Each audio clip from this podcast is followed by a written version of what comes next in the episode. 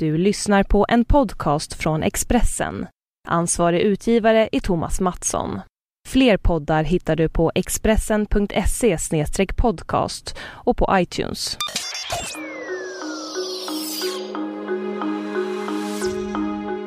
Det här är Expressen Dokument och dagarna som skakade Sverige. I det här avsnittet Smålands kamp mot stormen Gudrun av Karin Sörbring som jag, Sebastian Parkla, läser upp. Träden knäcks som tändstickor. Vägarna är helt spärrade och telefonerna fungerar inte. När den stora björken mitt framför huset faller och drar upp en fem meter stor rotvälta springer Brokultsbon Kerstin Axelsson, 51, ner i källaren och ber till Gud att skona hennes barn.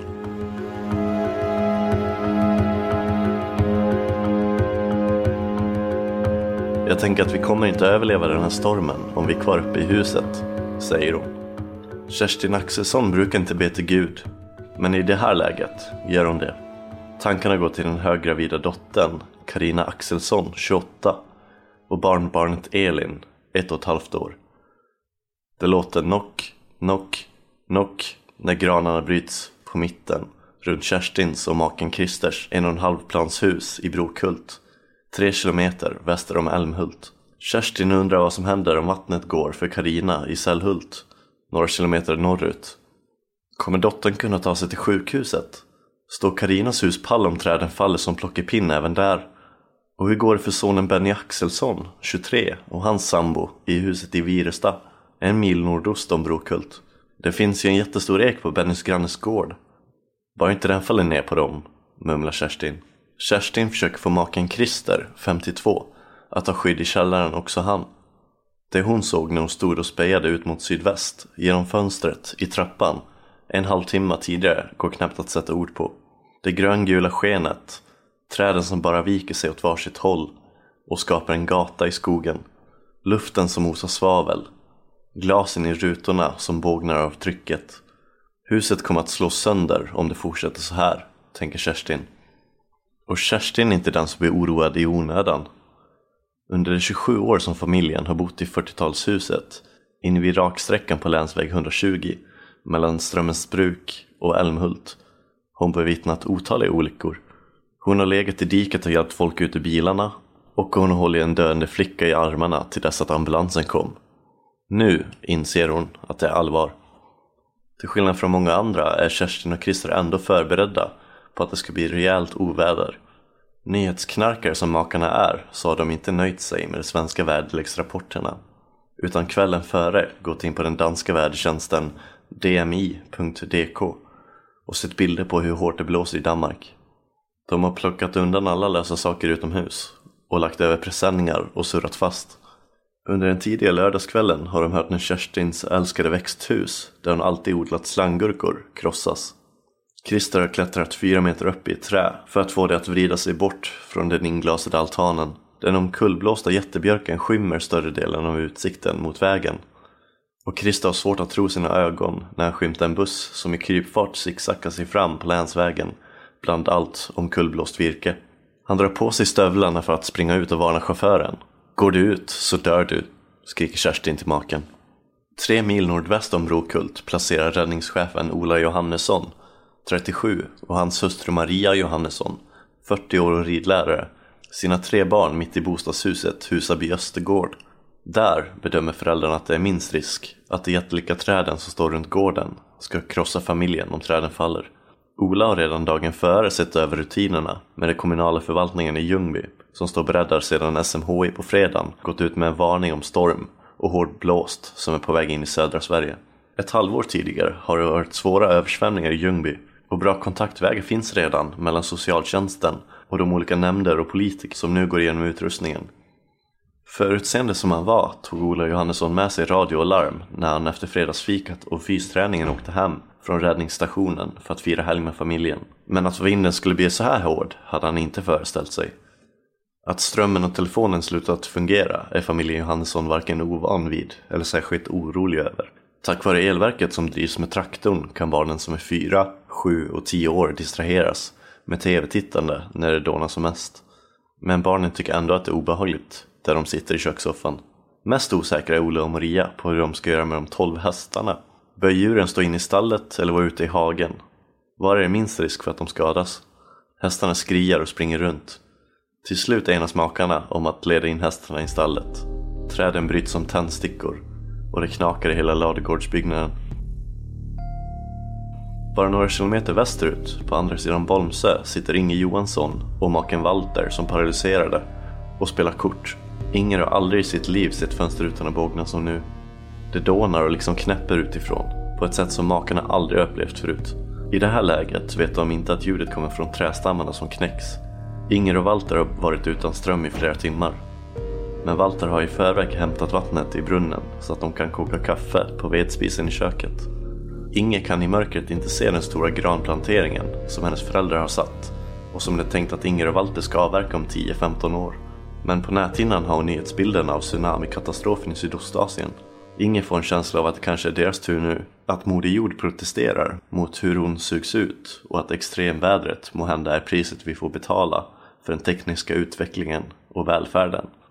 På andra sidan sjön Bolmen, på Ringagården i Lidhult, har Kerstin Nilsson planerat en middagsbjudning. Bara två av 15 inbjudna gäster dyker upp. Resten vågar sig inte ut i ovädret. Under lördagskvällen rasar stormen som värst i södra och mellersta Götaland. De stora problemen med el och teleförbindelserna gör att meteorologisk data från många automatstationer försvinner.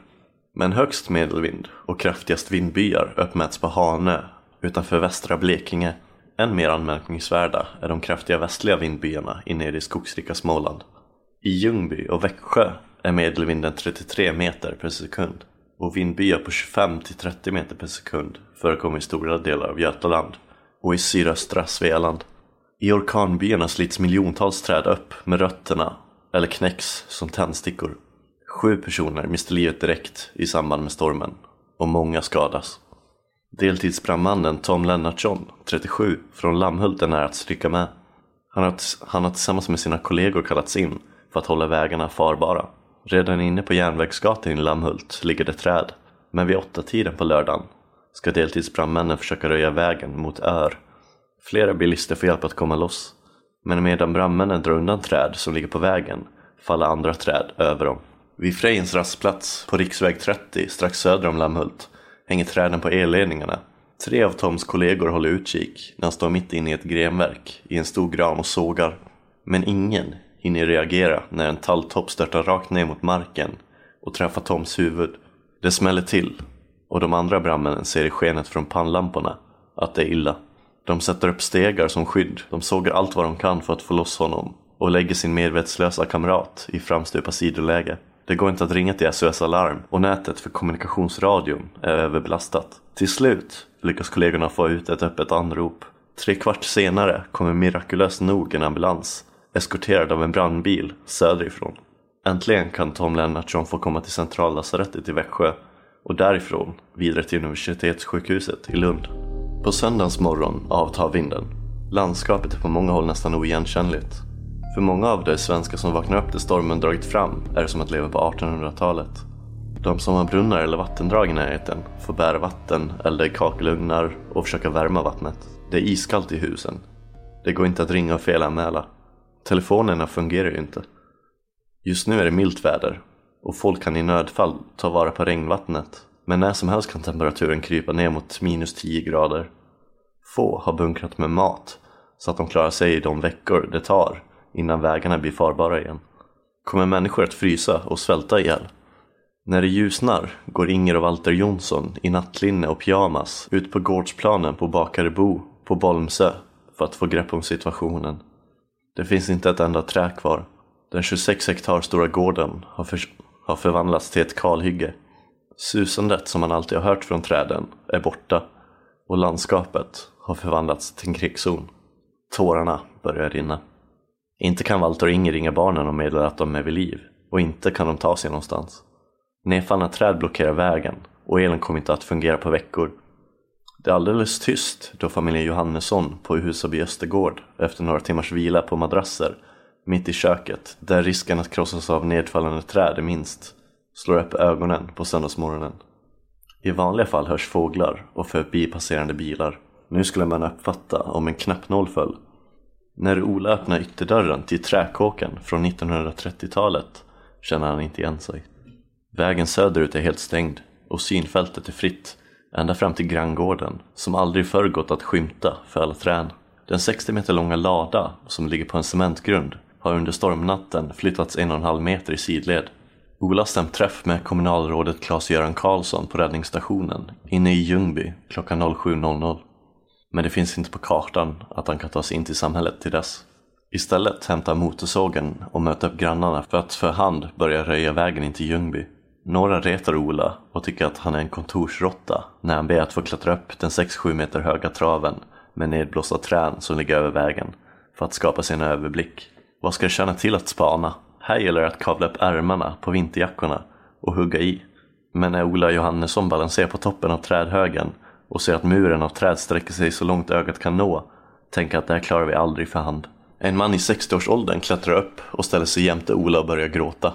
Nog har Bolmsöborna förstått att det är skarpt läge, men att det är så här illa har de inte anat. Mannen i 60-årsåldern faller i gråt när älgjakten kommer på tal. Insikten om att deras älskade skog är förstörd slår emot männen med full kraft. Lantbrukare och räddningsvärnsmän på Bolmsö röjer sig efter bästa förmåga ut från sina gårdar till stora vägen och hjälper därefter till att såga och baxa undan virke från den 2,7 mil långa vägen mot centralorten Ljungby. Andra som bor längs vägen in till stan hugger också in. Här och var sitter människor inspärrade i bilar utan att kunna ta sig någonstans. Maria Johannesson förvandlar ett av boningshusen på gården till en värmestuga där öbor, tack vare elverket som drivs med traktorn, kan få duscha. De får också äta ett mål lagad mat och värma sig. Också i Odensjö reagerar Kerstin Nilsson på att det är ovanligt tyst när hon och maken Sven äter frukost morgonen efter stormen. Ingen är ute och promenerar och inga bilar kör förbi. De ser att en del av plåttaket till laggården har flugit av. Mjölkningen av de 65 korna klarar makarna av tack vare elverket. Kerstin och Sven tar med sig motorsågarna och knackar på hos grannen.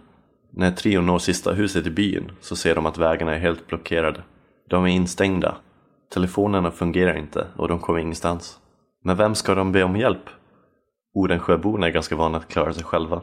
Inte minst i och med att de bor i kommunens ytterområde och ofta hamnar sist i kön när behoven i regionen är stora och resurserna små. Nu gör de sällskap med den ensamma man som börjat röja vägen. Sven Nilsson, grannen och många andra män sågar och Kerstin som kört traktor sedan hon var liten flicka bökar undan träden med lastaren. Hela söndagen kämpar de där, sida vid sida med svetten lackande i pannorna. Varefter Odensjöborna tar sig framåt ansluter fler personer från byarna bortanför och till slut har de röjt 6 kilometer. När bara timmerbråta återstår och de möter röjare från andra hållet så kommer en bil emot dem i hög fart.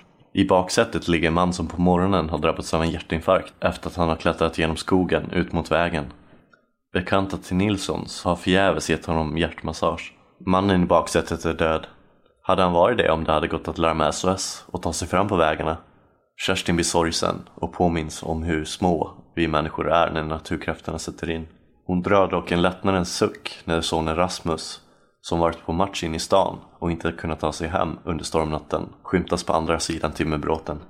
Bussen som Kerstin och Christer Axelsson i sin förfäran och förvåning upptäckte bland de fallna träden på länsväg 120 under lördagskvällen backar tack och lov tillbaka mot Älmhult ledsagad av en brandbil med stege och med räddningssoldater som kan röja väg. Makarna Axelsson har inte lyckats sova en blund över natten. Oron för höggravida dottern Karina och för det egna huset har varit för stark. Så snart det ljusnar tar Kerstin och Christer motorsågarna och tuggar sig igenom alla träd som fallit över den 100 meter långa väg som leder fram till länsvägen. Efter två timmars slit zigzaggar de sig fram med bilen och lyckas på omvägar köra de få kilometrarna ut mot Sällhult. Den vanliga vägen är igenbommad men när makarna Axelsson inte kan ta sig längre med bil så springer de längs åkrarna mot Karins hus. Lever dottern och hennes familj? De vet ingenting om detta i och med att de inte har gått att ringa. Kerstin börjar gråta av glädje när hon upptäcker att Karinas hus är oskatt och att Karinas man och dotter också klarat sig. Hur sonen Benny mår, det vet Kerstin inte. Men just då kommer Benny, förtvivlad, instormande i Karins kök. Han är arg och gråter, men tvärstannar när han möter sina föräldrar där. Bennys bil har stängts in av fällda träd i Viresta, men han har lånat ett fordon av en granne och med det kört bort till Brokult för att se föräldrarna. Där såg det hemskt ut och han upptäckte att huset var tomt. Benny fortsatte uppriven till systern Karina i Sällhult. Kerstin förstår hur orolig sonen måste ha blivit när han inte kunde hitta föräldrarna i röran och hela familjen grinar av chocken. Först vid 19-tiden på söndagskvällen har räddningschefen Ola Johannesson och de boende på Bolmsö lyckats röja undan vägen in mot Ljungby. Ola är med på genomgången med den som fram till dess haft chefsberedskap i hans ställe. Räddningstjänsten bestämmer i samråd med kommunalrådet och oppositionsrådet att fokusera på att öppna upp vägar och hjälpa socialtjänsten att evakuera de äldre som behöver hjälp. Ola Johannesson får använda alla erforderliga medel för att lösa den uppkomna situationen. All prestige och allt revirtänkande läggs åt sidan. Personalen inom Ljungbys tekniska förvaltning, skola och räddningstjänst jobbar nu mot ett och samma mål.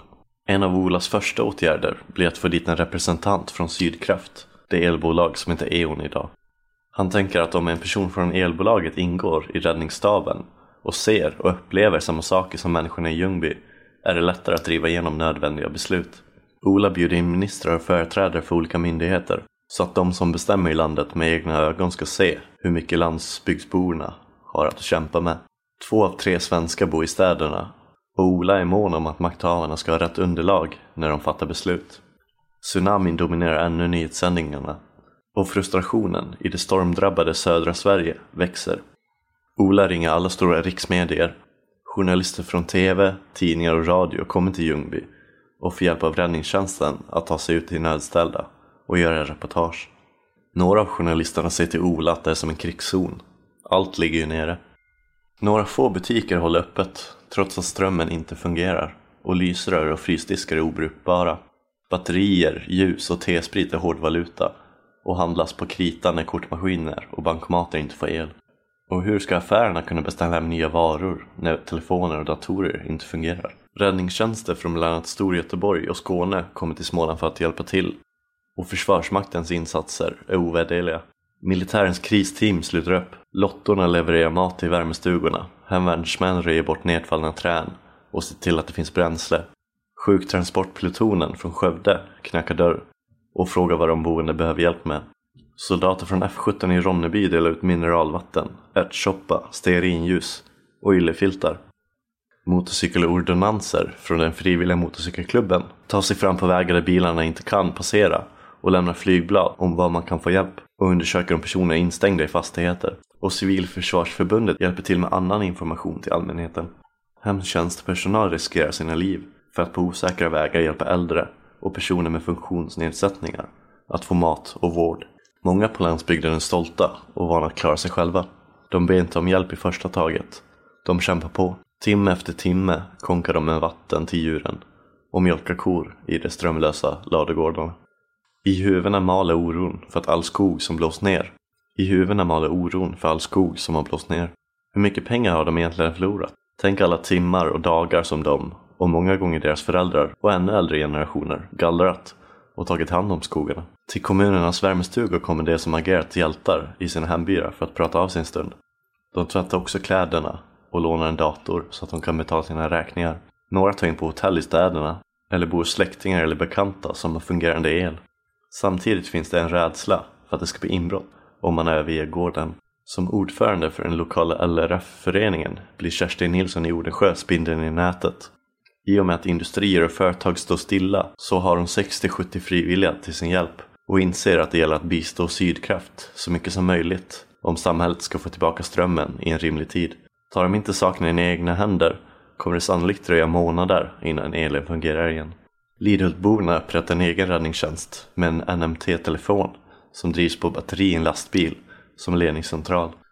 Tack vare jaktradioapparater kan de bilda alternativa telefonkedjor och hålla kontakt under det farliga arbetet med att röja den stormfällda skogen. LRF lyckas bana väg på ledningsgatorna genom skogarna så att Sydkrafts personal kan ta sig fram till ställverken. Därigenom kan Sydkrafts anställda fokusera på att dra ledningar medan lokalbefolkningen sköter transporter och hämtar verktyg och annat som underlättar återuppbyggnaden av elnätet. När linjearbetare från Norge, Danmark, Tyskland och norra Sverige anländer till stormregionen för att erbjuda sina tjänster är Kerstin Nilsson först på plats och hugger tag i mannarna. LRF har skaffat fram kartor och material och ordnar alla nödvändiga transporter. Det finns de som blir handfallna när det är motigt. Dit hör inte Inger och Walter Jonsson på Bolmsö. De reder sig utan el i en månad och utan telefon i en och en halv månader. De tvättar utomhus vid brunnen fast det är bra kallt. Eldar och lagar mat på spisen och bär in vatten till toaletten. Kerstin hör på nyheterna att en man inne i Ljungby tycker att befolkningen på landsbygden får för mycket akutinsatser. Hon blir irriterad på stadsmänniskor som inte begriper hur man har på landet. Det känns nästan som att somliga tycker att människor får skylla sig själva om man väljer att bo på landet. Inte ens nyhetsförmedlingen kan man lita på, tycker Kerstin. Hon har förvisso slukat rapporten om tsunamin ända sedan den inträffade. Men det känns som att befolkningen och journalisterna i storstäderna har lättare att relatera till den än till den storm som har rasat på den svenska landsbygden. I och med att Kerstin bor nära Ikea och Älmhult och har vänner från hela världen strömmar breven från vänner i Thailand och andra ställen in där man har hört om naturkatastrofen i Sverige. Men bekanta i de svenska storstäderna hör inte av sig på samma sätt. För Kerstin är det en demokratifråga. Hela Sverige ska behandlas med respekt, oavsett landsdel. Hon önskar att TV, radio och tidningar uppmärksammar konsekvenserna av stormen Gudrun. Och i somliga TV-inslag tycker Kerstin att det känns som att de som bor på landet förlöjligas. Att de betraktas som och tilltalas som om de vore mindre intelligenta. Så orättvist. Kerstin vet få människor som är så duktiga med att ordna med sin vardag, meka och fixa som människorna här på orten. Som om det inte vore nog med växthuset som krossats på tomten upptäcker Kerstin Axelsson att 95% av all skog på föräldragården nära Ljungby, som hon och hennes syster har tagit över, har blåst ner. Tack gode gud att mina föräldrar är döda, så att de slipper uppleva detta, tänker Kerstin. Hon har hört att flera personer har tagit livet av sig när deras livsverk, skogen, förstörts.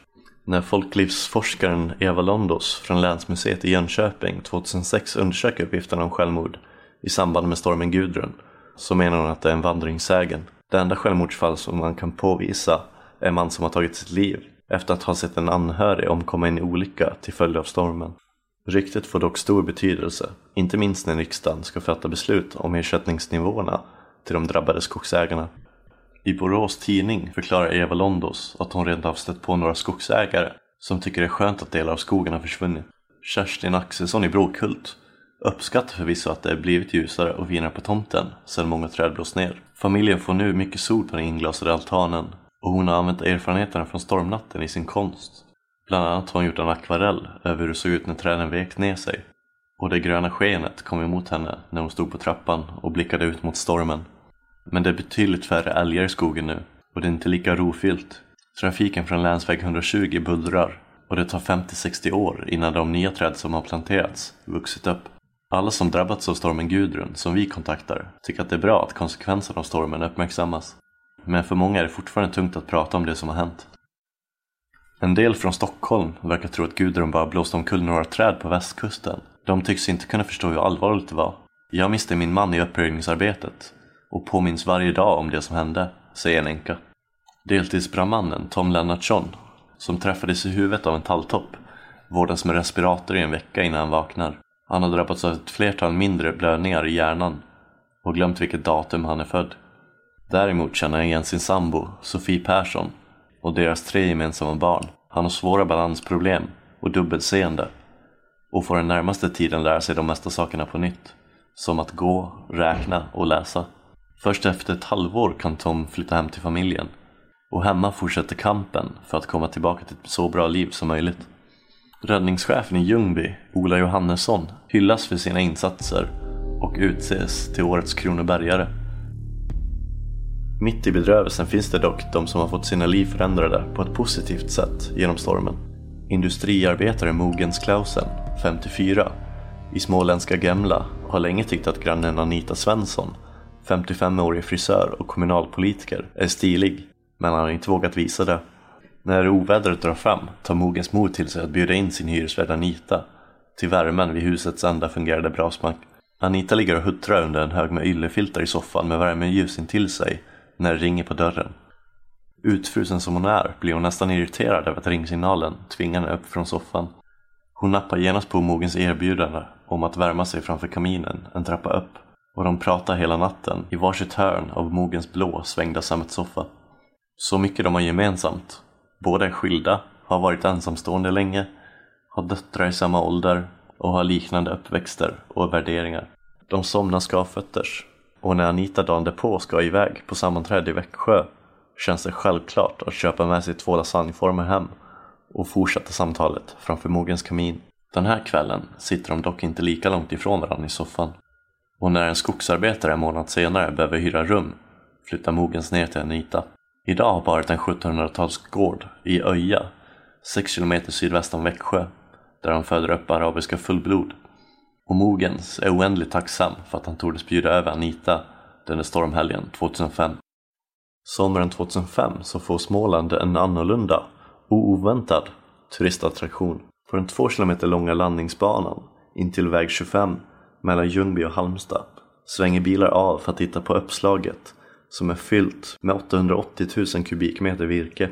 Det är det största virkesupplaget i Europa och det har krävts 23 000 fullastade timmerbilar med släp för att få hit den omkullvälta skogen.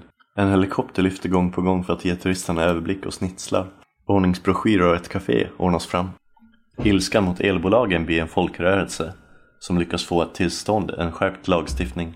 Hädanefter måste elbolagen betala ersättning vid strömavbrott som varar mer än 12 timmar. Det gör att många elbolag gräver ner ledningarna istället för att ha sårbara elledningar ovanför jord.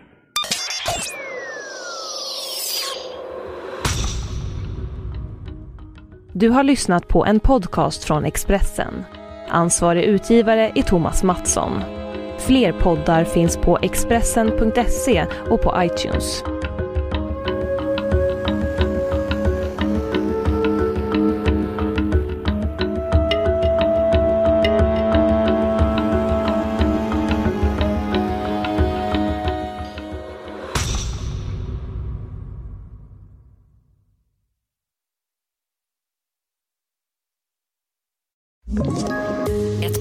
Poddtips från Podplay.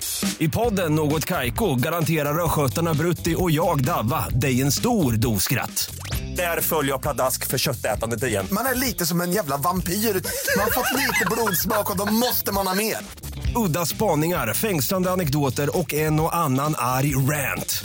Jag måste ha mitt kaffe på morgonen för annars är jag ingen trevlig människa. Då är du ingen trevlig människa, punkt. Något Kaiko, hör du på Podplay. Därför är gardinerna.